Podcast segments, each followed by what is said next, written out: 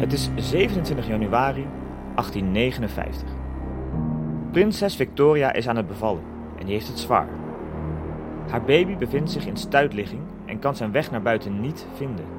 De beste doktoren van het keizerrijk komen haar assisteren, maar ze schreeuwt het uit van de pijn. De artsen besluiten haar steeds zwaarder te verdoven met chloroform.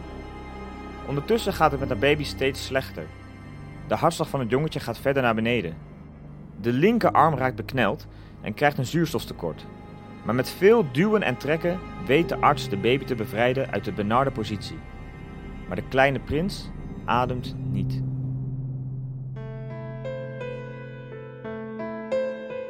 De baby bewoog niet en wij dachten allemaal dat hij dood was.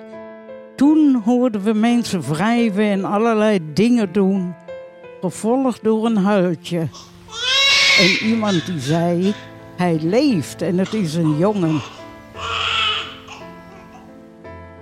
101 geweerschoten werden gelost om de Berlijners te informeren dat ze een nieuwe troonopvolger hebben. Vlak daarna verzamelde er zich zo'n menigte bij het paleis, zodat wij wel het balkon op moesten om de toejuichingen te ontvangen. Deze stressvolle situatie kwam Wilhelm dus tot leven. En het resultaat van die horrorbevalling was dat zijn linkerarm 2 centimeter korter was dan zijn rechter. En dat zijn arm verlamd was. Die slechte start heeft Wilhelm voor zijn leven letterlijk en figuurlijk getekend. En daarover gaan we het in deze aflevering hebben. Welkom bij de Keizercast. Van adelaar tot huismus. Een vijfdelige podcastserie over het leven van de laatste Duitse keizer Wilhelm II.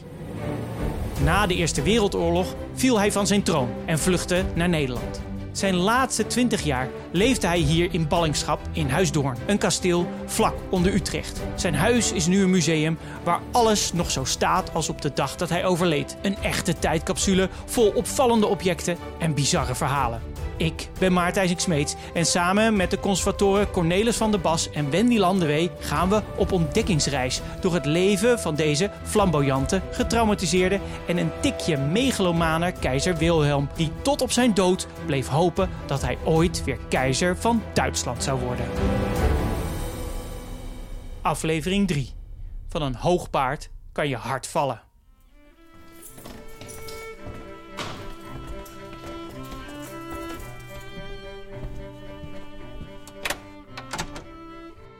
En dit is dan de eetkamer van Huisdoorn. Wauw, dit, uh, dit ziet er prachtig uit. Ik, uh, ik, ik, zie een hele lange tafel vormen met een mooi wit tafellaken en uitgebreid servies erop. En, uh, en zijn dat kristallen glazen? Zeker, zeker, zeker ja, ja, absoluut. Ook een uitgebreid arsenaal aan lepels en vorken. Ja, een hele bestekset. Ja. Met één hele bijzondere vork. En die laat ik je eventjes zien.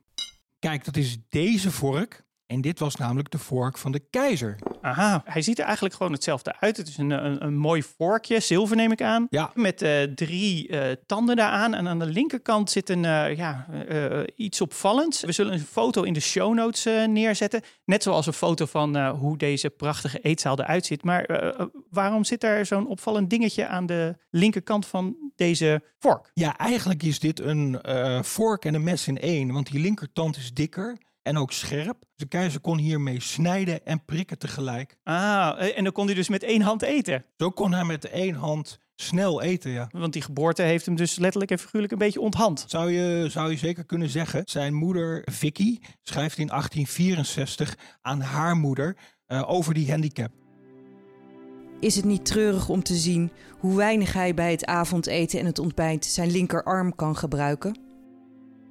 Ja, we hoorden dus uh, zijn moeder Vicky. Maar hoe zag het gezin van uh, Wilhelm er eigenlijk uit? Nou, Wilhelm uh, groeide op in een, in een warm gezin. Zijn vader was kroonprins, Frederik, later Frederik III. Het was een warm nest waar, waarin Wilhelm opgroeide. en zijn moeder was dus Vicky. Dat warme gezin, waar, waar bleek dat dan nou eigenlijk uit? Nou, dat bleek eruit dat Frederik III, die was natuurlijk heel druk, want hij was kroonprins. Maar de vrije tijd die hij had, die wilde hij graag met zijn gezin doorbrengen. En dan speelde hij met zijn kinderen. Uh, dan kroop hij over de grond, dan was hij het paard. En dan mochten zijn kinderen mochten op zijn rug zitten.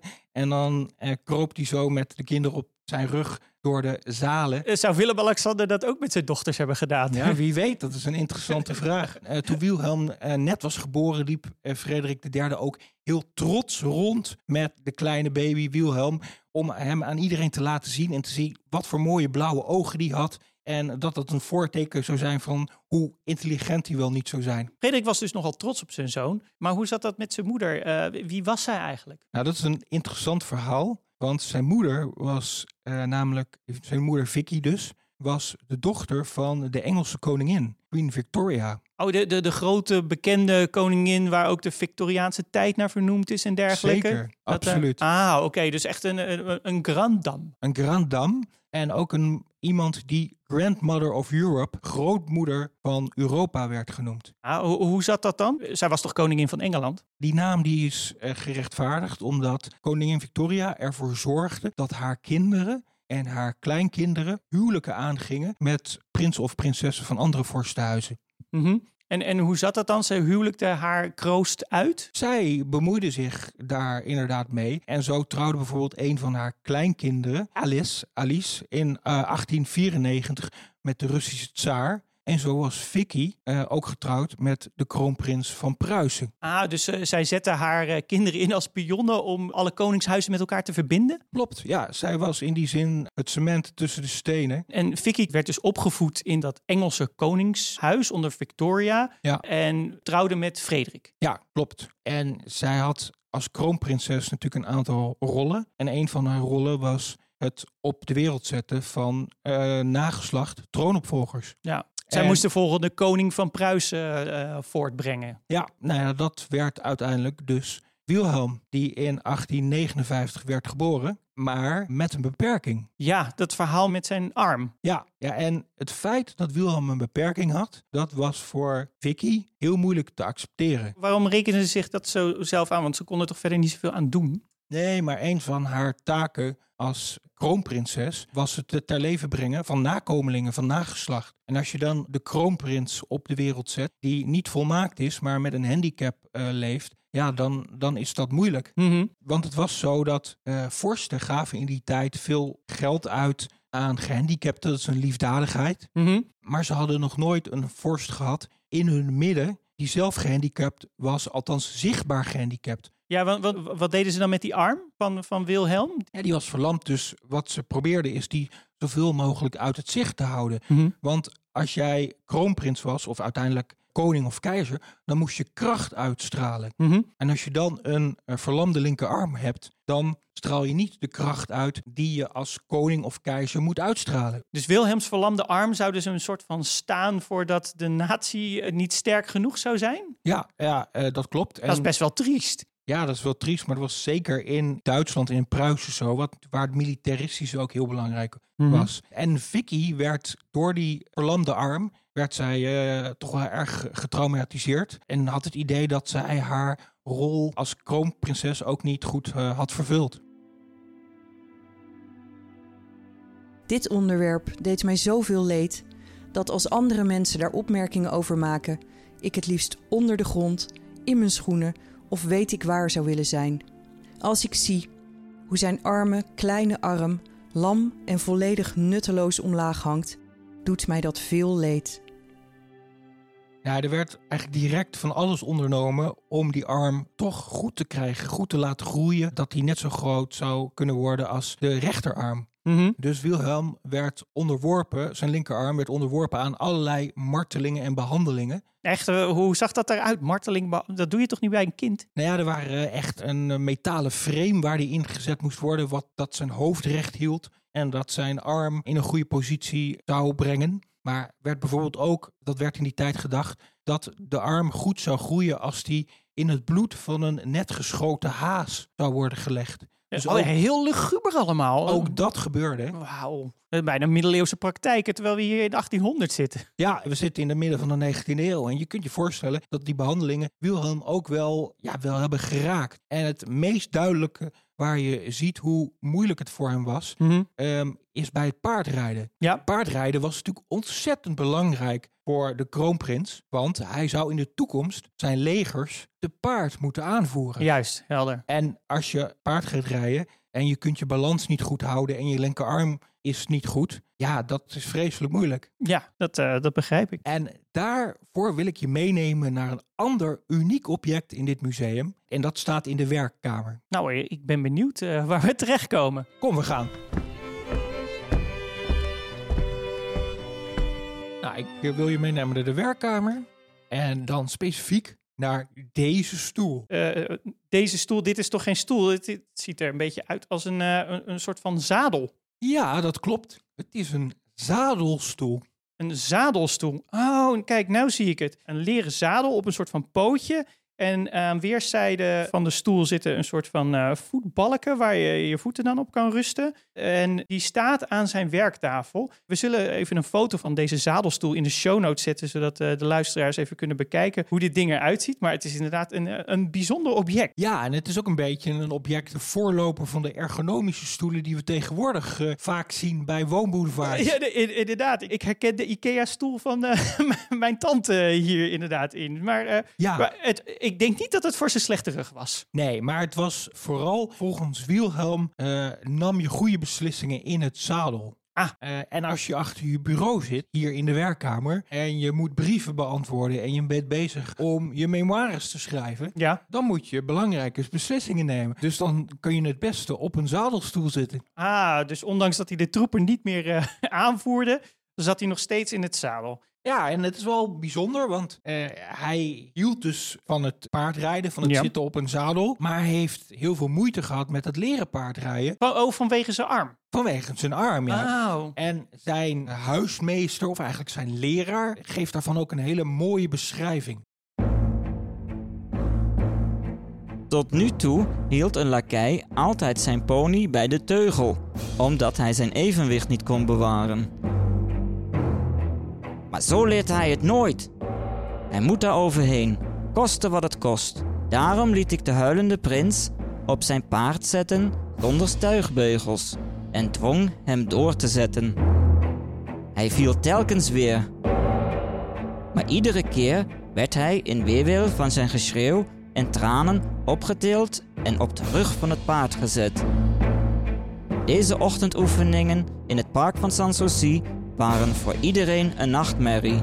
Soms nog erger voor de folteraars dan voor de gefolterde. Na weken van marteling is het eindelijk gelukt. En is mijn taak geslaagd. Hij behoudt zijn balans.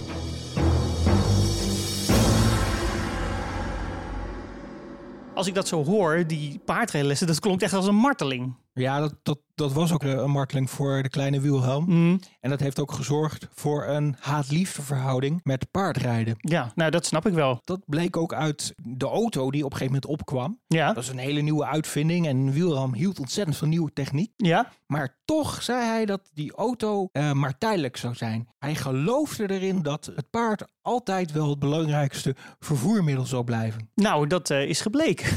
Eh, dat is gebleken. En het was ook wel opmerkelijk dat hij dat zei. Want vanaf 1910 ongeveer Mhm. legt Wilhelm een groot autopark aan. Oh, echt waar? Ja, Dat, dus, eh, zijn paarden werden ingeruild voor eh, ja, paardenkrachten. ja eigenlijk inderdaad ijzeren paarden, zeg maar. Ja? Metalen paarden. En ja, hij liet hier in Doorn uiteindelijk ook een hele grote garage bouwen. Oh ja? Hoe, hoeveel auto's had hij dan? Nou, in, in Duitsland had hij er heel veel. Hier had hij er Mhm. nog eh, plek voor ongeveer tien. Nou, voor die tijd, want we hebben het dus over 1910, eh 1920. Ja, Dan eh, was een, eh, een godsvermogen zo'n auto. absoluut. Hij kon hier maar beperkt rijden en reizen. Mm. Dus dat was ook wel apart dat je dan zoveel auto's nodig hebt. Het was meer om te pochen dan dat het... eh, Bijna wel, ja. Ja, bijna wel, ja, ja, ja, precies. Maar die zadelstoel is wel een heel eh, bijzonder object. Want het, het staat ook symbool voor het einde van een tijdperk. mm, Het einde van het paard als strijdros. mm. Maar ook het einde van de Europese aristocratie. Ja. Die altijd te paard eh, naar buiten ging. De, de koningen en koninginnen die zijn letterlijk een beetje uit het zadel gegleden in die, eh, in die tijd. Zeker, ja, ja. En in de Eerste Wereldoorlog waren er nog heel veel paarden. Maar daarna verdwijnen de paarden ook steeds meer eh, naar de achtergrond in de legers. Nou, eh, helder. Maar eh, laten we nog even teruggaan naar de jeugd van Wilhelm. Eh, hij stond dus onder grote druk om zich te bewijzen, ondanks zijn beperking. Maar had dat ook nog meer gevolgen voor hem, bijvoorbeeld op zijn persoonlijkheid? Ja, zeker. Daar zijn eh, hele interessante en mooie verhalen over te vertellen. Mhm. En eh, daarvoor wil ik je ook meenemen naar de uniformkamer van Huisdoorn. eh, waar we echt kunnen zien dat hij erop uit was om te pochen en te laten zien hoe machtig hij was. Ik volg.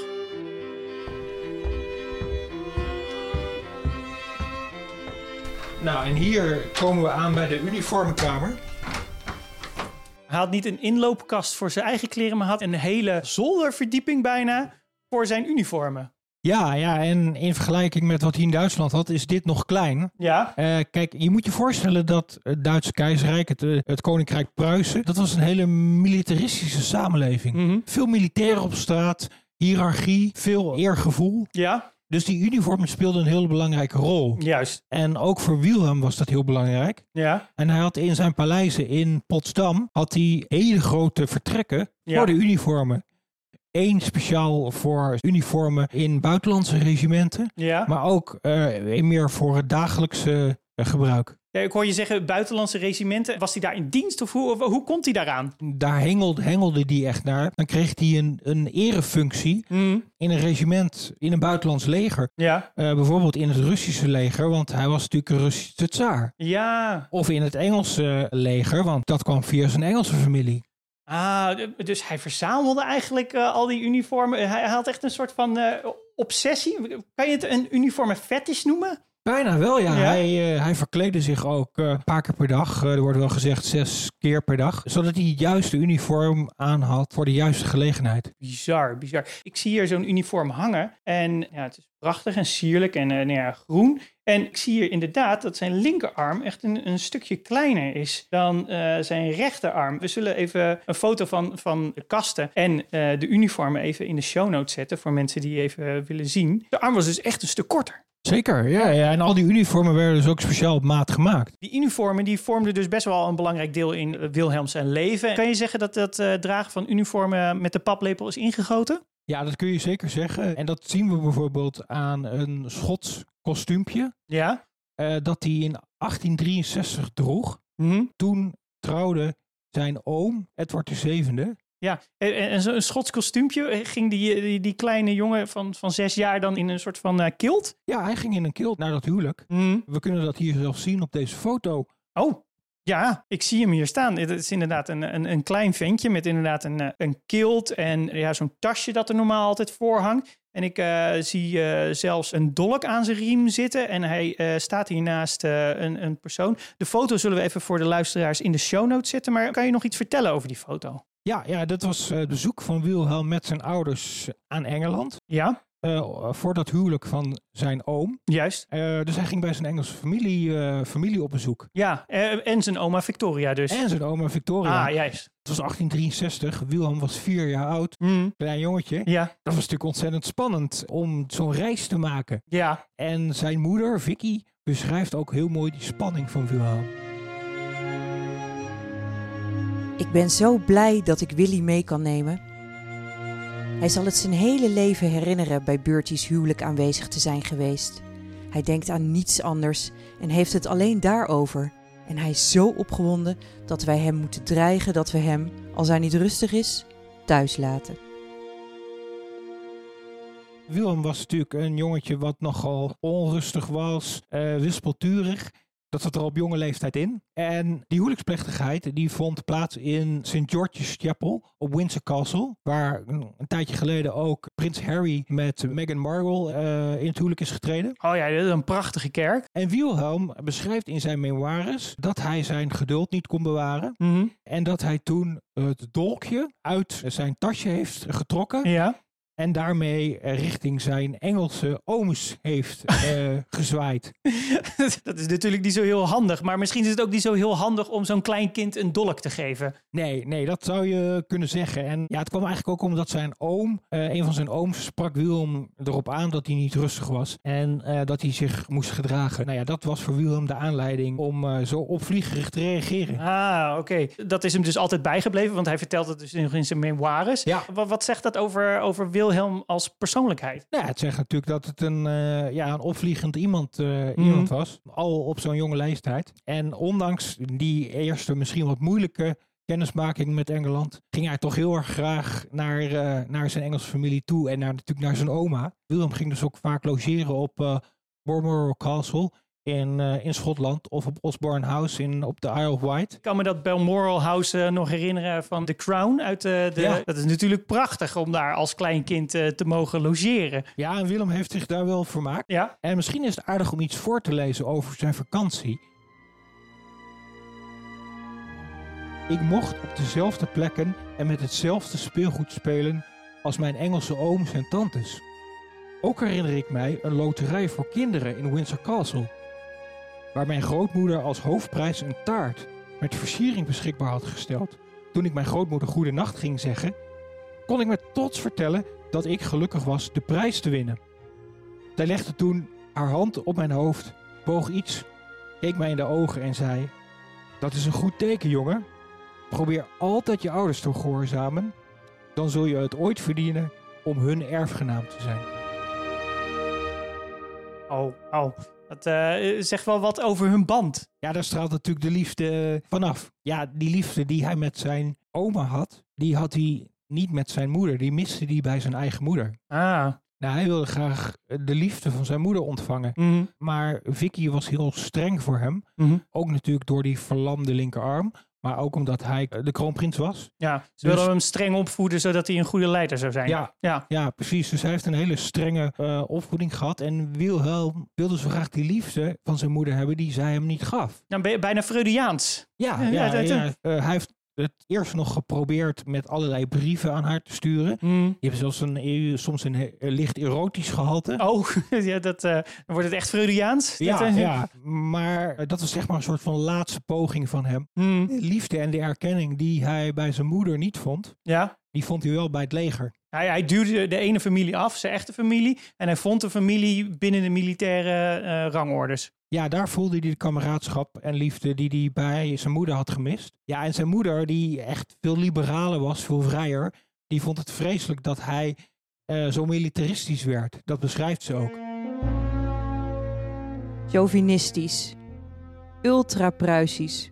In zo'n mate en met zoveel geweld dat het voor mij vaak heel pijnlijk is. Goed, Wilhelm dus eh, best wel een heftige jeugd gehad. En daar werd hij dus klaargestoomd om keizer te worden. Maar ho- hoe is hij uiteindelijk keizer geworden? Nou, in 1888 overleed zijn grootvader Wilhelm I. En toen werd zijn vader dus keizer, Ja, dat is Frederik. III. Ja. Maar Frederik III was al ziek. Ja, wat was er met hem aan de hand? Hij had keelkanker Mhm. en hij overleed na 99 dagen Oh, dat is dus heel snel. als keizer. Ja. Ja. Ja, eigenlijk werd er dus een generatie soort van overgeslagen. Ja, zo zou je het zeker kunnen zeggen. Op die manier werd Wilhelm II dus op 29-jarige leeftijd keizer. Nou, op zijn 29ste al keizer. Hij was nog best wel een, eh, jonge vent dan om leiding te geven aan het eh, ja, grootste Duitse keizerrijk. Maar eh, zijn kroning, hoe, hoe kan ik me dat voorstellen? Was dat een beetje zoals bij Willem-Alexander in de Nieuwe Kerk? Dat hij zijn kroon opkrijgt met pracht en praal en toestanden? Ja, de echte kroning eh, was er niet. Eh, Duitsland was een keizerrijk, maar bestond uit allerlei koninkrijken. Mhm. eh, met hun eigen koningen. En Wilhelm was de belangrijkste eh, als koning van Pruisen. Mhm. Maar daarom was een kroning ook niet zo echt gebruikelijk. Oh, hij mocht die koningen van die verschillende deelstaten niet tegen het hoofd stoten door zich belangrijker voor te doen? Ja, zo zou je het, eh, zo zou je het kunnen noemen. Maar Wilhelm wilde natuurlijk zijn machtsovername wel markeren. Ja, je bent 29 en je wilt wat en je wil natuurlijk laten zien dat jij nu de grote leider bent. Ja, ja, en hij wilde zich ook natuurlijk onderscheiden van zijn eh, liberale ouders. Mhm. Dus hij greep de opening van het parlementaire jaar aan om zich, zeg maar, als nieuwe leider te presenteren. Oké, en eh, hoe zag dat er dan uit? Nou, die opening vond eh, plaats in het paleis en alle leden van het parlement werden uitgenodigd. Mhm. En Helmoet van Moltke, die daarbij was, Wie, wie, wie was dat precies? dat was een, eh, een officier. Mhm. en die heeft een hele mooie beschrijving gegeven van hoe die opening van die Rijksdag plaatsvond. Keizer zag er heel knap uit in de rood fluwelen mantel van de orde van de Zwarte Adelaar en met de maarschalkstaf. Het was majesteitelijk hoe de keizer met daadkrachtige treden het podium van de troon betrad en de menigte met een plechtige buiging van het hoofd begroette. Oké, Wilhelm werd dus keizer en kreeg een grote verantwoordelijkheid. Maar hoe gedroeg hij zich in deze rol? Nou, het was niet eh, makkelijk om met Wilhelm samen te werken. Hij was een hele autoritaire eh, leider Mhm. eh, die weinig tegenspraak dulde. En hij had dus ook een, echt een, voerde echt een autoritair regime in. Vaak had hij ook de neiging om brieven en documenten niet te lezen of gooide die zo in de prullenbak. En hij zag zichzelf eigenlijk als bemiddelaar tussen God en zijn volk. Bijna een soort van Lodewijk XIV die de representatie van God op aarde is. Precies, dat, dat dacht hij. Mhm. En Wilhelm heeft daar zelf ook dingen over geschreven. Mhm. En ik wil daar van een aantal aanhalen die goed aangeven hoe hij erover dacht. Ja? Hij zei bijvoorbeeld: Ik ben gewend dat men mij gehoorzaamt. Het woord van de keizer behoort men niet te verdraaien of spitsvondig te interpreteren. In de Duitse politiek ben ik als enige baas en mijn land moet mij volgen, waarheen ik ook ga. Nou, dat klinkt eh, bijna als een dictatuur. Ja, ja, zo zou je het wel kunnen zeggen. Ja. Eh, maar Wilhelm had het eh, natuurlijk niet altijd bij het rechte eind. Nee. En eh, een vriend van hem schreef er ook over. Wilhelm II wil schitteren, alles zelf doen en beslissen. Wat hij zelf doet, pakt helaas vaak verkeerd uit. Om hem een idee te laten accepteren, moet men doen alsof het van hem komt. Dat klinkt een beetje als een paar managers die ik wel eens eerder gehad heb. eh, waar je met goede ideeën aankomt en eh, waar zij ermee eh, mee aan de loop gaan. Heb jij dat ook? Nou, er is niks nieuws onder de zon in die zin. Nee. precies. Ja, net als veel hedendaagse managers wilde hij ook heel graag op reis gaan. Hij reisde ontzettend veel. Ja, Zo'n manager heb ik ook wel eens gehad. Die meer in de zon zit dan achter zijn bureau. Ja, ja, maar bij Wilhelm was het wel iets anders dan in de zon zitten. Hm. Eh, hij beschikte over zijn eigen jacht. Hij had een hoftrein, een eigen trein. Ah, Dat was de, de trein uit aflevering 1 eh, waarmee die ook eh, naar Nederland was gekomen. Juist, ja, precies. En hij had diverse auto's. Mhm. En de keizer reisde zoveel. Op een gegeven moment werd hij daar een beetje mee bespot. Ehm, hij ondertekende zijn documenten vaak met IR. En dat staat voor Imperator Rex, dus keizer koning. Dat is Latijn. Ja. Maar eh, de Duitsers zeiden dat staat niet voor Imperator Rex, maar dat staat voor Immer Reise Fertig. Ah. Hij is altijd, staat hij klaar om te reizen. Ah, ja, ja, ja. Hij werd eh, met, met zijn reislust een beetje bespot. Zeker, ja. En het is zelfs zo dat twee kranten in 1894 hadden uitgerekend Mhm. dat Wilhelm wel 200 dagen per jaar op reis was. Eh, dus eh, twee derde van de tijd eh, was hij er gewoon niet of ergens anders dan in, in de hoofdstad. Ja, maar dat reizen is niet alleen kenmerkend voor die tijd, Mhm. aan het eind van de 19e eeuw, maar ook voor het karakter van Wilhelm. Oké. Want in 1922 werd door een van zijn mensen aan zijn hof, Ja. graaf Alfred van Wanderzee, werd Wilhelm heel mooi omschreven. En zijn twee passies. De twee geliefde bezigheden van keizer Wilhelm II zijn tekenend van zijn onstabiele zenuwtoestand: reizen en praten.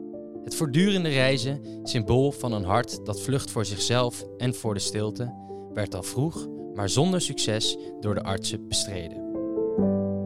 Nou ja, en dan in eh, januari 1901 wordt Wilhelm in één keer opgeschikt. Het feest voor eh, de 200ste herdenking van de Pruisische kroningstitel is in volle gang. Ja. Maar Wilhelm krijgt het bericht dat zijn geliefde oma, Queen Victoria, op sterven ligt. Och, ja, daar had hij zo'n goede band mee. Daar had hij een hele goede band mee. Dus dat bericht, dat zorgde ervoor dat Wilhelm zich op 19 januari eh, met zijn keizerlijke jacht Ja.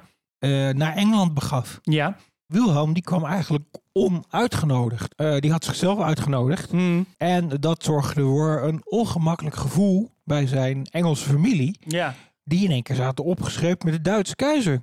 Ja, de- hij hoorde natuurlijk niet eh, bij de Intimie, een soort van. Of eh, ze waren een beetje van elkaar verwijderd. eh, in Ja, ze waren natuurlijk wel familie. Hmm. Maar ja, goed, er was natuurlijk ook wel een verschil. Ja, En nou ja, uiteindelijk was Wilhelm dus toch aanwezig toen zijn oma haar laatste adem uitblies. ja hij was fysiek in die ruimte. Hij was in fysiek in de ruimte en hij stond naast haar bed. Mhm. En toen heeft hij samen met zijn oom, Mhm. die inmiddels koning was, koning Edward VII, Ja, eh, het lichaam van zijn oma in de kist gelegd. och, ja.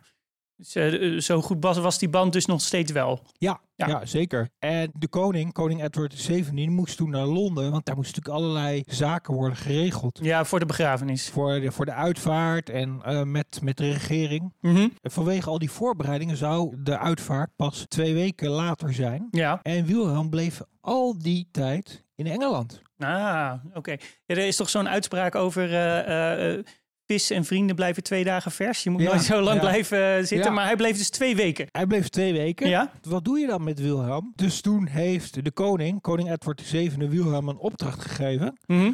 Namelijk om zich bezig te houden met alle eh, voorbereidingen voor de opbaring. Ah, oké.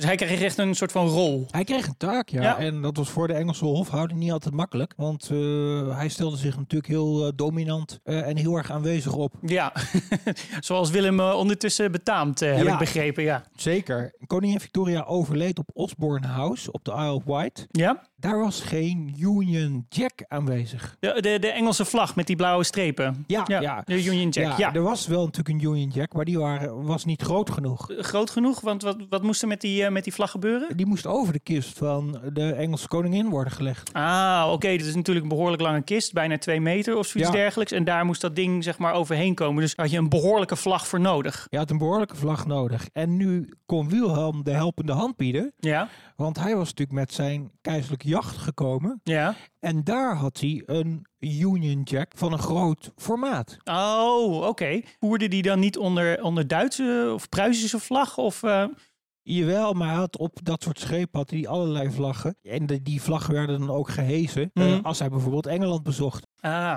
Net zo goed als hij naar Engeland ging, dan droeg hij ook een Engels uniform. ah oké. Dus hij kon eh, een helpende hand bieden door die immense vlag eh, over eh, eh, Queen Victoria heen te vouwen. Ja, te leggen. Ja, Ja. ja. de, de vlag beschikbaar te stellen. Juist? En de koning, koning Edward VII, die schreef over Wilhelm eh, aan zijn zus. Wilhelm blijft aardig en zijn toewijding is ontroerend, zonder tekenen van opdringerigheid of egoïsme. Eh, eh, hij cijferde zichzelf weg voor eh, zijn oma. Ja, ja, ik weet niet of de hofhouding daar hetzelfde over dacht. Eh, maar nou ja, dit is wat de koning eh, aan zijn zus schreef. Tijdens de uitvaart van koningin Victoria reed Wilhelm op een wit paard mee in de rouwstoet op een prominente plek, eh, direct achter de kist, naast zijn oom, koning Edward VII. In de familie ook wel kortweg Bertie genoemd. En Wilhelm is zijn oom daar ook voor heel erg dankbaar. En hij schrijft aan Bertie: Ik dank de Heer dat ik op tijd was om grootmoeder nog één keer te zien. Bij jou en de tantes te zijn. Jullie te helpen bij het verwerken van het verlies. Wat heeft zij jou een heerlijk rijk achtergelaten? Wat voor een bevoorrechte positie in de wereld. Het eerste wereldrijk sinds het Romeinse Rijk.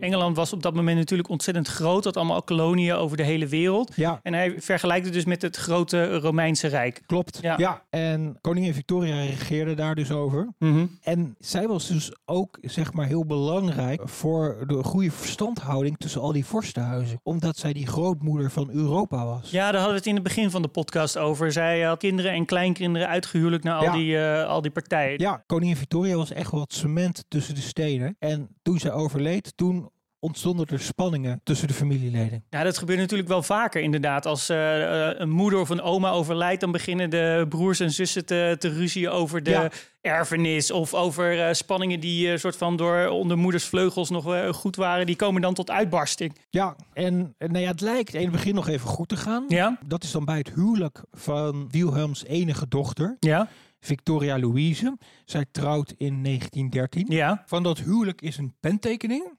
En die zal ik er even bij pakken. En die pentekening, daar kun je zien dat alle vorsten voor de laatste keer aan de dinertafel zitten. Het ziet er prachtig uit. Het is een pentekening, maar ik, ik zou bijna eerlijk zeggen dat het een, een, een- foto is. Zo goed is het gemaakt. Ik zal de afbeelding even proberen te beschrijven. Maar voor de geïnteresseerden zullen we ook de, afbeelding in de show notes zetten. Ik zie een, een, een hele lange tafel met eh, grote kandelaars.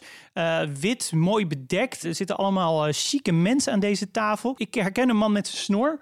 Ja, Dat moet eh, Wilhelm, eh, eh, denk ik, zijn. ja. Ja. En wie zit er nog meer? Het is echt een staatsbanket. het is echt een staatsbanket, een huwelijksbanket. Ja, met inderdaad een grote tafel. Aan de overkant zien we Augusta Victoria, de eerste vrouw van de keizer. ja, Met eh, naast haar eh, de Russische tsaar, Ja. tsaar Nicolaas II. ja, Twee plekken verderop zien we de Engelse koning. ja, Eh, dat was inmiddels George V. ja, eh, die eh, ook eh, daar aan, het, aan de dinertafel zit. ja. En we zien de kroonprins van Oostenrijk, Hongarije. Ja, ook zo'n grootmacht uit de Eerste Wereldoorlog. Ja, Ja, ja, klopt. En die zit hier allemaal eh, eh, gebroedelijk aan, aan tafel. En eh, natuurlijk eh, en ook nog alle adellijke, belangrijke adellijke families. Ze zitten dus daar samen gezellig soort van aan de dis. En een jaar later is er een wereldoorlog. Ja. Ken je die film Vesten, waar eh, Ja. zo'n familiediner volledig uit de hand loopt? Dat, Zeker. eh, z- zou dat hier ook gebeurd kunnen zijn? Eh, dat zou zomaar kunnen, want de spanningen waren er natuurlijk al. Mhm. Dus dat is, vind ik wel een mooie vergelijking. Maar dat komt dus eigenlijk omdat eh, koningin Victoria eh, wegvalt. Ja. Eh, de, de, eh, de oma, het, eh, zoals je al zei, het cement tussen de stenen van al deze, deze naties. Het overlijden van Victoria is dus misschien wel een aanleiding geweest voor de Eerste Wereldoorlog. Ja, zij, zij hield natuurlijk die familiebanden wel onder controle. Daar had ze Mhm. wel invloed op. En ook op de keizer, Wilhelm. Eh, maar ja, toen zij er niet meer was, was dat weg. Ja, Toen begonnen de spanningen. ja, Ja, ook natuurlijk eh, bij Wilhelm een stukje jaloezie op het eh, grote Engelse Rijk. ja. Dat was eigenlijk de aanzet tot de lont in het kruidvat die eh, de, bom, de bom van de Eerste Wereldoorlog zou doen ontploffen. Ja, ik zou eigenlijk veel meer weten, eh, willen weten van de, de Eerste Wereldoorlog. Want bij mij op school heb ik daar weinig mee gekregen van... ja, tussen 1914 en 1918 was de Eerste Wereldoorlog... en we gaan door met de Tweede Wereldoorlog. Maar eh, er- er zit natuurlijk veel meer omheen. Maar eh, we zitten al een tijdje te kletsen. Misschien is dat wel een goed idee voor een eh, eh, volgende aflevering. Lijkt me een goed plan. Dit was de derde aflevering van de Keizercast. De volgende keer onderzoeken we het ontstaan van de Eerste Wereldoorlog. Wat was de rol van Wilhelm en hoe kunnen twee schoten in Sarajevo leiden tot miljoenen doden in de modder van Noord-Frankrijk?